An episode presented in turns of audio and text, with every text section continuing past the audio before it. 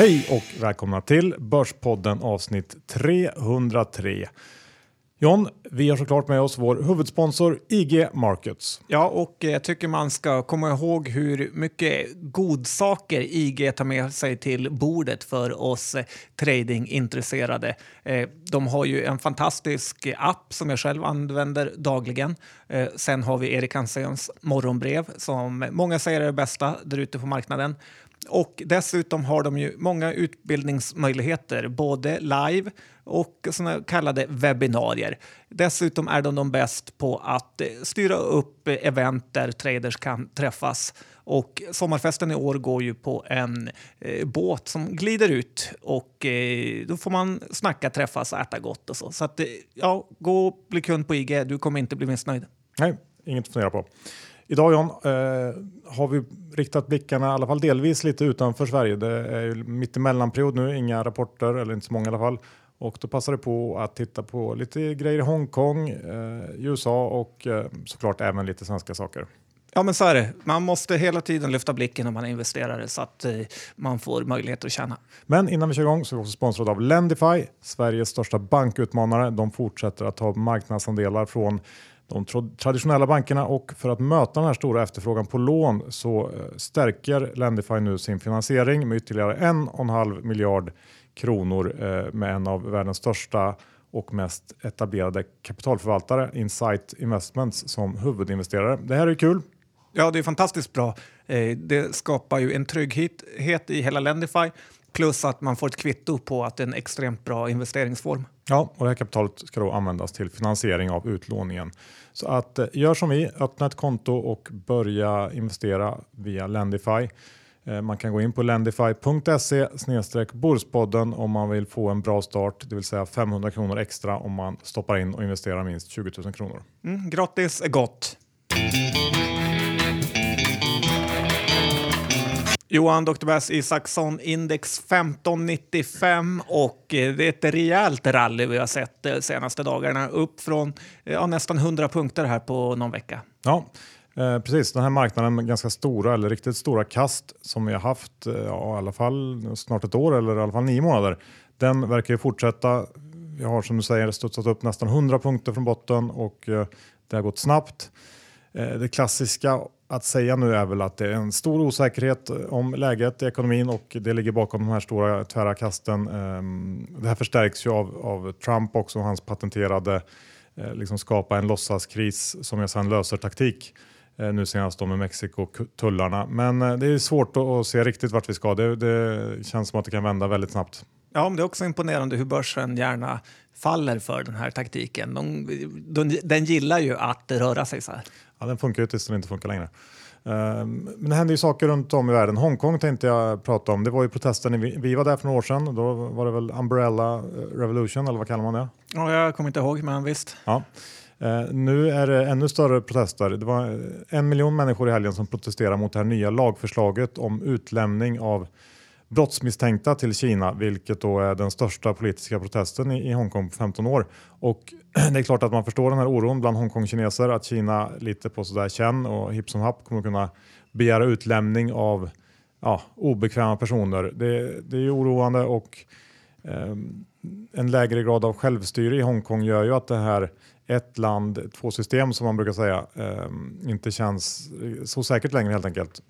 Plus då att den här USA och Kina situationen nu eh, med den i bakhuvudet så skulle det här kunna leda till lite större störningar. För idag ses ju Hongkong som ett eget land av USA med då eh, undan, de då undantagna från de här till exempel tull, tulldiskussionerna och annat sånt. Eh, men eh, om det kinesiska inflytandet upplevs öka så är det inte alls säkert att, att USA kommer fortsätta med det.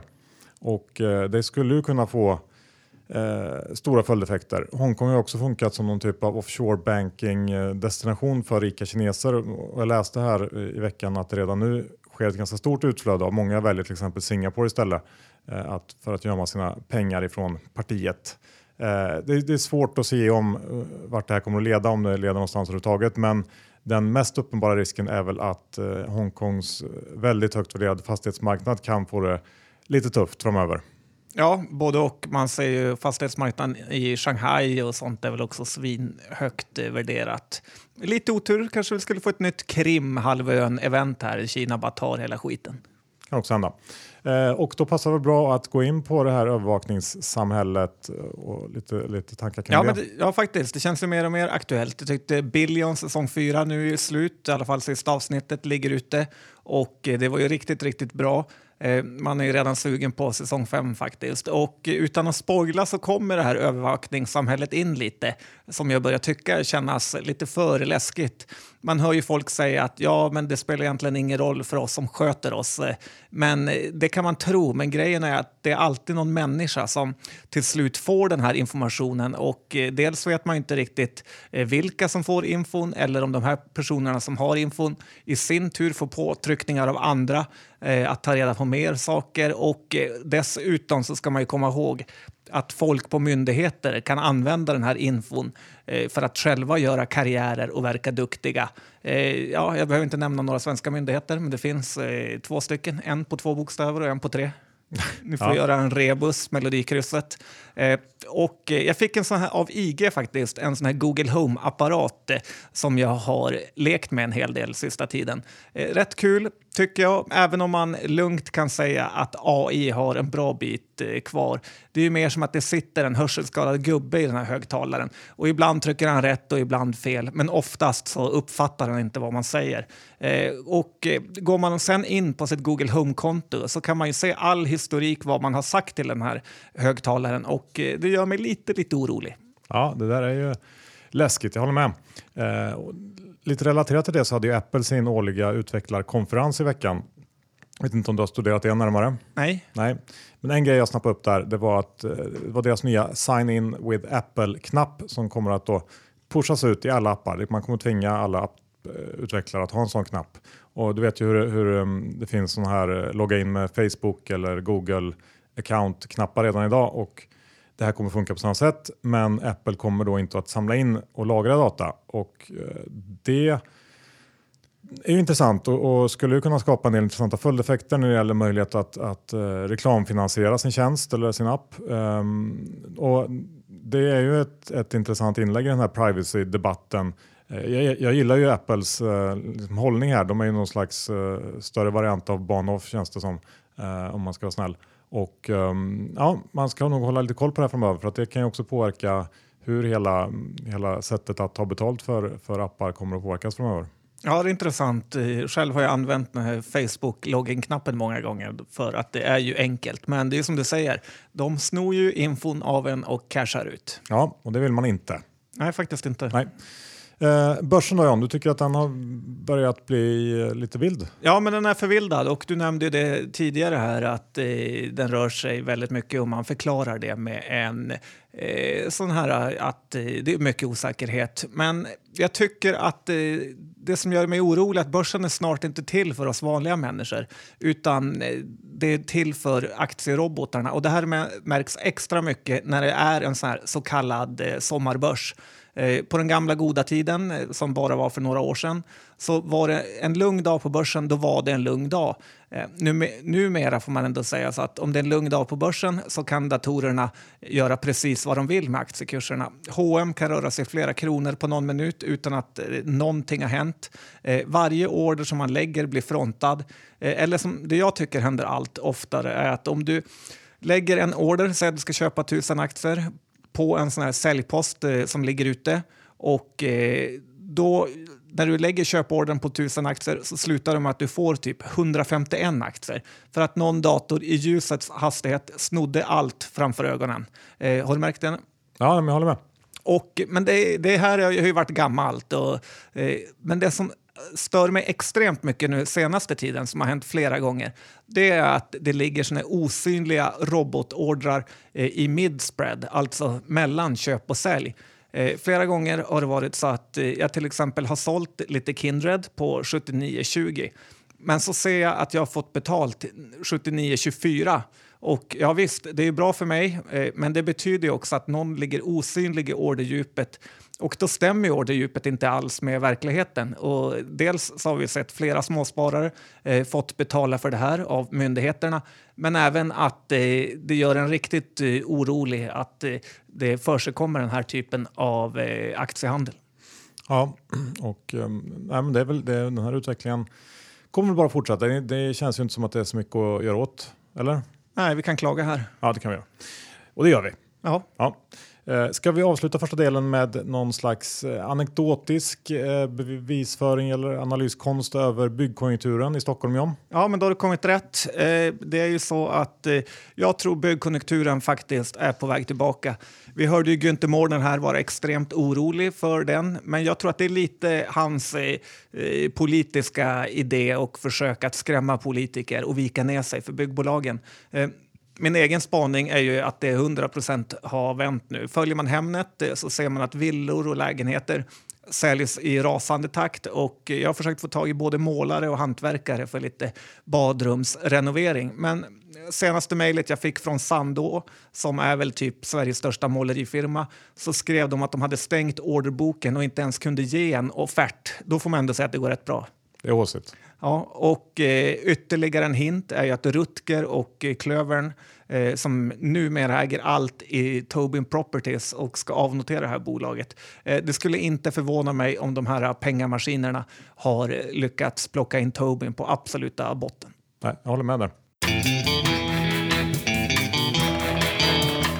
Då John ska vi snacka lite bolag och jag tänker att vi kan prata eh, först om något som Eh, är lite populärkulturellt eh, aktuellt. Eh, det vill säga den här HBO-serien Chernobyl som många sett, vi inkluderat. Ja, lite kul att eh, Stackabo har gjort Sverige stort på tv-kartan. Även, vad heter den här svensken som är med? Han Fares Fares. Ja, precis. Ja, eh, och då tänker många kanske, åh, ska de prata om kärnkraft och uran igen? Men det var inte riktigt det som fastnade eh, när du såg på den här serien John. Nej, faktiskt inte. Utan det som har fått mig att gilla serien det är ju det här vodka-drickandet hela tiden. Och jag blev faktiskt lite sugen på vodka. Eh, vodka är ju en klassisk dryck som är rätt poppis. Och dricka rent med is i många länder, bland annat i USA och eh, självklart i Ryssland också. Men då är det ju mer halsa-varianten som gäller. Eh, så att jag var tvungen att kolla på lite spritbolag och, eh, som säljer vodka. Vi har ju den klassiska Diageo, säger man så? Ingen aning, vi har blivit eh, retade för vårt uttal av just det bolaget tidigare så att jag vågar inte säga något. Nej, det är lite så här, man tänker på något annat. Men de har ett P-tal på över 20, inte farlig skuldsättning som många av de här stora bryggerierna annars har. Till exempel här Anheuser- Anheuser-Busch eh, som äger Budweiser. Diageo äger ju Smirnoff eh, som nog är världens mest eh, sålda vodka. Eh, de har även andra Det är väl liksom ur vodka-märket ändå får man säga. Ja, de här har ju även andra godsaker som Johnny Walker som hela tiden var med i Billions första säsongerna. Baileys, ölklassikern Guinness. Eh, så att jag tycker ändå att Diageo har ju lite för alla. Kanske lite väl dyrt, men samtidigt inte så mycket skuld och verkligen tier one-märken. Å andra sidan kan man säga att de här märkena det är ju kanske liten aura av någonting som varit. Det är ju inte de hetaste. Ja, men det är svårt, jag känner att det är svårt ändå att eh, komma på nya spritsorter. Det är det. Mm, tack. Eh, sen har vi den svenska stoltheten, Absolut Vodka, som numera ägs av vad då, Johan? Eh, de här eller? Ja, precis. Pernod Ricard. Och eh, de här är ju börsnoterade i Frankrike. Absolut Vodka ligger ju också i topp fem i alla fall av världens mest sålda vodkor. Och eh, jag tycker väl personligen att den har tappat lite här i Sverige eh, sen det blev eh, franskt. Förut var ju Absolut nästan samma sak som att ä- eh, säga vodka och alla skulle köpa en eh, Absolut Vodka på taxfree. Man ha, hade man nya smaker när man pluggade upp Sala Johans och då var man lite halvcool. Eh, en del samlade till och med på så här olika Absolut Vodka-sorter. Rätt tyst om den samlingen idag kan jag känna och det är väl tur det. Eh, konkurrensen har ju ökat här. Eh, Pernod Ricard äger ju även andra populära märken. Chevas Regal, det är ju det eh, märket som kineserna är galna i. De har ju whiskyklassikern Glenlivet som ja, nästan lika bra som Börspodden whiskyn. Så har de ju ful whiskyn Jameson som kommer från Irland och eh, Kahlua. Eh, och eh, eftersom Pernod Ricard är börsnoterat i Frankrike och är franskt så har de ju även en hel del viner. Eh, bolaget har P under 25, låg direktavkastning på 1,6 procent men ändå en liten utdelning. Eh, de här bolagen är rätt eh, lika i värdering så att eh, man får väl är lite smaksak vad man vill eh, äga. Ja. Jag tycker ändå att vi ska snacka lite om Macmyra som just nu håller på med en nyemission. Ja, men de har väl ingen vodka heller? Eh, nej, det har de inte, men det är ändå ett spritbolag. Och, eh, det var ju de som trots allt gjorde Börspodden Whiskyn. Det var ju lite roligt när jag presenterade den här idén för dem. Så sa de kul idé, men är det okej om vi förfakturerar hela beloppet? Inte riktigt så att de trodde på den. Men nu är den slutsåld, så att, eh, vem är det som skrattar sist nu Johan? Typ va? Ja, jag tror det var nio flaskor kvar. Eh, men vad som är kul med Macmyra, är, i alla fall vad jag trodde, är att det skulle bli lättare med åren. För vi har sagt det förut, men det är rätt svårt att sälja en whisky som är ettårig. Och, och nu är det ju, här 2019 så firar ju Macmyra 20 år och eh, då borde man ändå ha möjlighet att vara lite mer etablerad och ha finare årgångar. Eh, men det har ändå inte lyft och eh, nu behöver de ju som sagt ännu en ny emission. Och sen det här, deras affärsgren där man köper ett eget fat eh, eh, whisky som var, det var väl mest populärt för några år sedan, så har den också börjat tappa lite i popularitet. Och det, är väl, det känns ju som att alla gubbar som har kunnat köpa ett fat har redan gjort det fem gånger om och eh, ledsnat. Eh, så att, eh, personligen tycker jag att Macmyra borde bredda sig lite med kanske göra en öl eller något, eh, kanske en cider. Eh, man har ju ändå något typ av varumärke som borde vara lätt igenkänt på Systembolaget som är ju största kunden. Men det finns faktiskt ingen enkel väg ut här för Macmyra-gänget och eh, ja, jag är nog lite mer negativ än tidigare och eh, det är inte lätt att få fart på den här businessen. Nej, det var väl en bra sammanfattning helt enkelt. Jag håller med där. Ska vi gå över till Elekta tänkte jag som ju för några veckor sedan kom med eh, en riktig blanka döda rapport. Aktien upp nästan 20% tror jag på rapporten och eh, Lider du med dina, dina blankarkompisar när Absolut. sånt här händer? Ja, det, det, det gör man ju. Så är det. Eh, och, och man slog ju förväntningarna på, på eh, resultatnivå med runt 15% tror jag. Ordernivå en handfull procent kanske. Eh, man guidade väl eh, inför 19, året 1920. De har ju brutit räkenskapsår. Eh, marginalmässigt lite, lite svagt, kanske 19 procent där. Ehm, men jag tror konsensus ändå låg under det så att det var väl okej. Och sen så hade man då sex stycken ordrar på den här Unity som är det stora framtidshoppet. Ehm, och, ja, givet förväntningarna ganska bra men det är ju inte superimponerande på något sätt. Ehm, men tittar man, liksom zoomar man ut lite och tittar på Elekta så är det ju fortsatt eh, den här Unity-apparaten som ska frälsa Elektas aktieägare framöver och det är, inte, det är absolut inte omöjligt att, att eh, så blir fallet.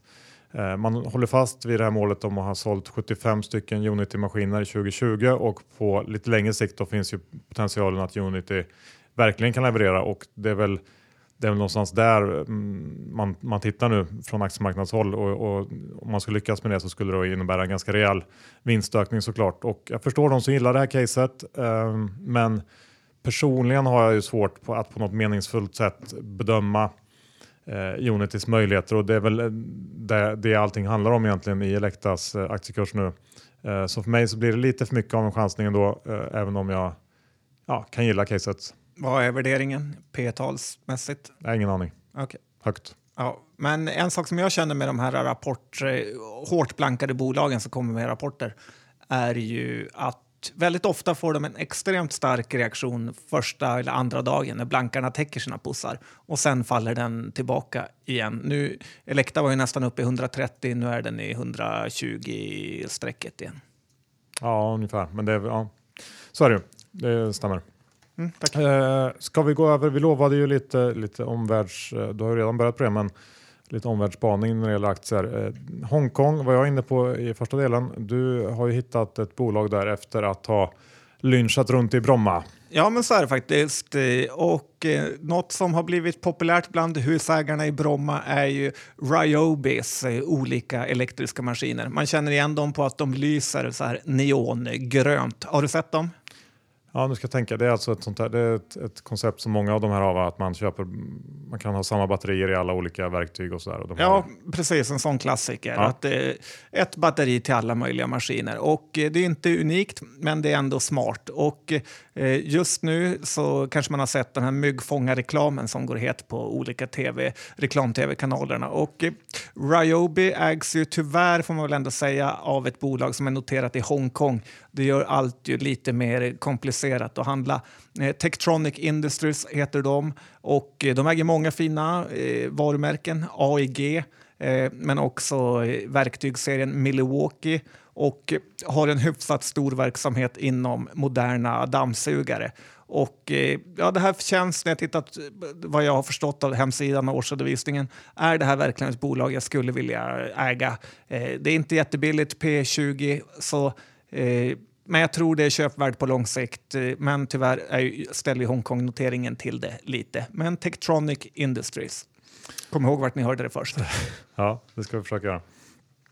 Ska vi pressa in eh, en liten kommentar om H&M som inom ett par veckor kommer med sin Q2 kanske? Ja, det kan vi göra. Ja. Eh, H&M har ju precis som index, om vi ska dra någon parallell där, rört sig ganska mycket eh, sista månaderna. Eh, dagens nivå kring 150 kronor är någon slags mittemellanläge och Inför rapporten så, så, räknar man väl med en, en tillväxt kring 10% men att bruttomarginalpress ändå leder till en, en ebit som, som minskar med en handfull procent ungefär och konsensus är att vinstutvecklingen kommer att vända till positiva tal under andra halvåret. Och man får väl ändå säga att, att den generella känslan kring H&M på slutet eh, är på något sätt att det börjar vända lite för dem. Det är inte det här eh, kompakt negativa som det var förra året. Eh, och senast igår så nåddes ju vi av rykten om firar fika på H&M's head office, John. Ja, för, det, för att det går så bra helt enkelt. Ja, det är lite oroväckande att de är så öppna med sin framgång. Ja, eh, vi kan ju inte gå i god för det, men vad det betyder, men ändå. Eh, det är svårt att gå i god, god för rykten. ja, så är det. Och vad firar fika betyder. Ja, det kan ju vara att någon ska få barn eller någonting, vem vet.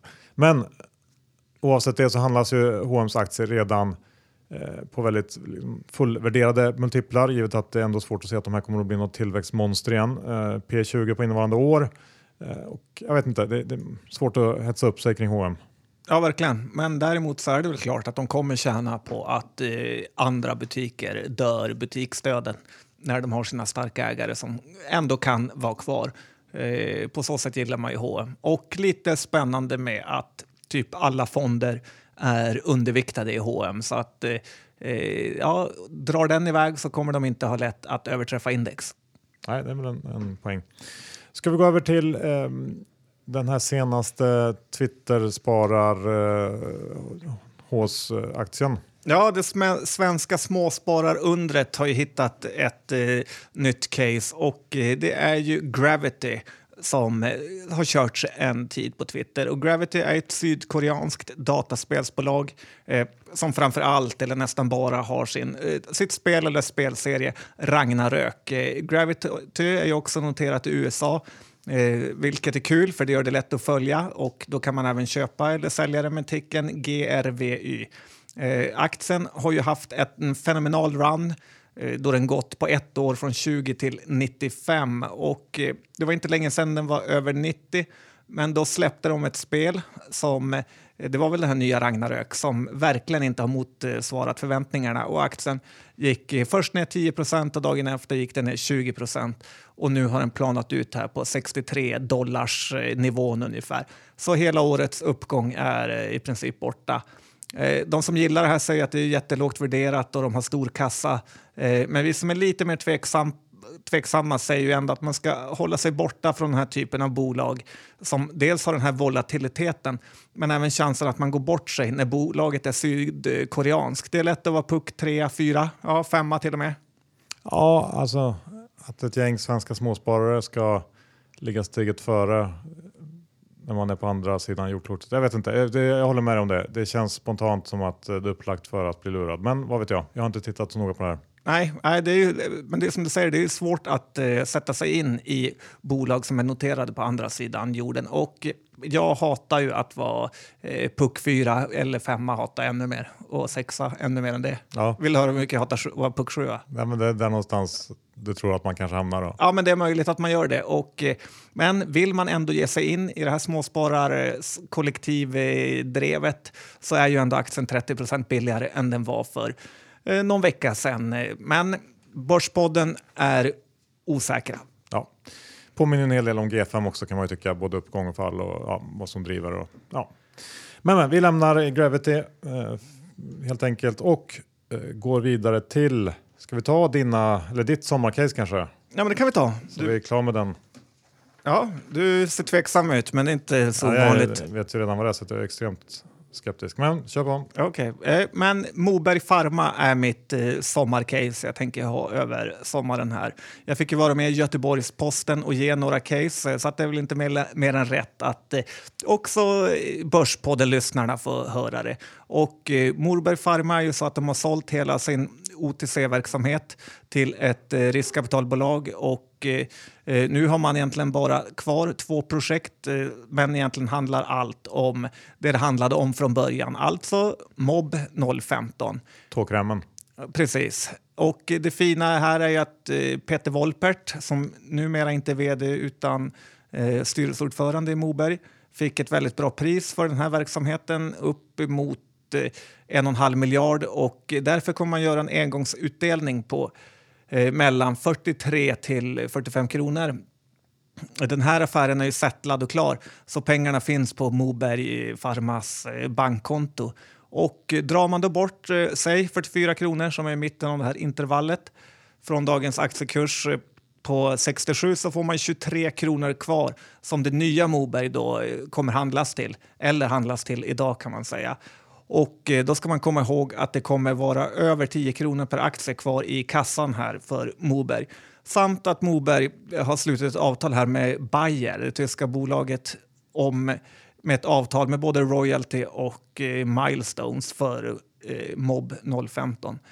Jag tror att den här nedgången vi sett eh, sen dealen, aktien var ju uppe i 88 när dealen kom, och eh, jag tror det beror på att eh, kanske ägare med en annan riskprofil eh, som gillade de här OTC-produkterna är nöjda med vinsten och tar lite pengar från bordet. Och vi har ju sett hur bland annat Aktiesparare Invest eh, sålde iväg hundratusentals aktier här de senaste dagarna. Så att jag tror att det kan vara ett eh, intressant eh, läge att ta ett bett här. Och, eh, man ska komma ihåg att det här är ett högriskplay, eh, men det man också ska komma ihåg är ju att om du köper en aktie nu så är det ju det du riskerar är ju faktiskt bara priset eh, idag då minus eh, 43 kronor eller, eller 43 till 45 då.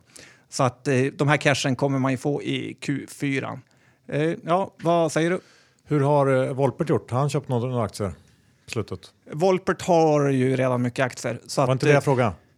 Jag skulle, Har han köpt mer? så här tror jag. Han har, han har ju tryckt om sig och var lite om sig och kring sig om man säger så. Jo, men det är svårt att säga om jag inte får säga något. Ja. Förmodligen, jag skulle kunna tippa på att när han får den här utdelningen så kommer han använda en del av de pengarna till att eh, köpa mer. Det känns ju dumt att köpa en, säg två tredjedelar kassa om man ska redan få det. Så att, eh, Ja, men eh, det är väl nu läget finns i så fall. Eh, ja, det är möjligt, men han har ju fortfarande liksom Liten svaghet ändå tycker jag. Uh, äh, men I övrigt så är väl, jag säger ju inte någonting emot det du säger, men eh, du vet ju min, eh, en av mina regler. Vad är det? inget i faser. Ja, precis. Och det här finns det några faser i Moberg Pharma. Här är det bara faser, Johan. Ja. Så du är inte lång det här. Nej. Bra, då, ändå, Då blev det en, bra stämning i den här studion. ändå en givande diskussion. Ska vi avsluta med Beyond Meat? Ja, det är faktiskt en kul aktie som är väldigt eh, poppis både på Twitter och bland eh, traders. Jag skulle nog ändå vilja eller våga säga att det här är den absolut största eh, globala bubblan just nu. Hands down faktiskt. Eh, Större men- än Tesla. Ja, på något sätt. Mm. Eller vi behöver inte jämföra. Vi säger bara det är en extremt stor bubbla, eh, tycker jag. Det är ett bra betyg att få av dig. För de som inte känner till det här bolaget så gör de ju alltså Eh, diverse alternativ till kött, burgare, korvar, färs och så vidare som då är baserat på någon slags växtbaserade eh, ingredienser. Eh, jag tror det är mycket ärtprotein och sånt. Så plus massa konstiga mm, ja, grejer som vi inte vet vad det är men som många i och för sig klagar på och säger att det kanske inte är så nyttigt. Den här aktien i alla fall noterades här i maj på 25 dollar eller ungefär 1,5 miljard dollar i market cap och har då sedan dess fullständigt ballat ur. Börsvärdet är nu per igår, måndag, ehm, eh, knappt 10 miljarder dollar. Den står i 170 dollar ungefär aktien. Så att eh, det har ju varit en vansinnig resa sedan noteringen och eh, det här är alltså ett bolag som gjorde 88 miljarder dollar eller 88 miljoner dollar i intäkter förra året. Och även då om området är otroligt spännande, ty tycker till och med jag. Jag förstår ju eh, att man attraheras av den här idén. Eh, så är det svårt att se hur det inte kommer att bli en enorm konkurrens kring den här typen av produkter. Och eh, som jag sa nyss där så finns det ju en rad tveksamheter kring hur bra det här egentligen är. Eh, Beyond Meat är såklart extremt blankad. Eh, jag såg att i måndags var lånekostnaden uppe i 134 procent. Det är ganska mastigt. Och det sänder väl också någon slags signal om att den här uppgången vi sett, delvis i alla fall, eh, driven av någon slags short squeeze skulle jag tro. Men man, man, behöver inte göra någon sådär jättemycket djupare analys än så här tycker jag för att inse att det, det här bolaget kommer inte att kunna motivera den här värderingen. Och jag såg att det var ungefär eh, 1400 personer som ägde aktien på Avanza. Eh, för dem är det bara att ta de här pengarna och springa. Jag gissar att alla av dem ligger mer eller mindre väldigt mycket plus. Ehm, det, jag skulle bli extremt förvånad om den här aktien inte stod lägre inom 12 månader. Ja, det är ju så sinnessjukt och man måste ändå gilla börsen hur eh, den kan driva upp man tänker ibland att aktietorget är galet, men även USAs stora börser, man kan driva upp ett börsvärde till 10 miljarder dollar, är ju så sinnessjukt så att det, det är ja, otroligt. Ja, men det säger någonting om den här idén då. Den är ju i grunden, det finns ju någonting där eh, som är lockande. Som mm. många... Ärthamburgare, det ska jag också starta. ja, det kan ju vara de enklaste saker som, som lockar folk. Slut på avsnitt 303. Vi tackar vår huvudsponsor IG Markets. Ja, ni vet ju, du hörde om Beyond Meat. Använd IG för att blanka komplettera, komplettera din vanliga tradingportfölj med ett IG-konto. Det är fantastiskt kul. Yes. Och eh, Lendify. Notera den stora nyheten att Lendify, eh, som då är Sveriges största bankutmanare, har eh, säkrat 1,5 miljard, miljard kronor i ny finansiering med Insight Investment som huvudinvesterare. Det här är kanonnyheter för oss som eh, lånar ut pengar och även de som låna pengar såklart via Lendify. Ja, det var ju Warren Buffett som sa att eh, om du inte kommer på ett sätt att tjäna pengar när du sover så kommer du få eh, jobba hela livet. Och Lendify är ett sånt bra sätt att tjäna ränta. Ja, lendify.se snedstreck Börspodden. Stoppa in och investera minst 20 000 kronor så har du 500 kronor till i kontot eller på kontot utan att göra någonting. Nej, bra, bra. Ja, och sist men inte minst innehavsredovisning. Jag eh, har pratat bara om sånt som jag inte eh, varken äger eller är kort. Hur är det med dig John? Ja, jag har ju Moberg som sagt och eh, sen har jag inget mer idag. Nej, bra. Då tackar vi för oss. Hej då!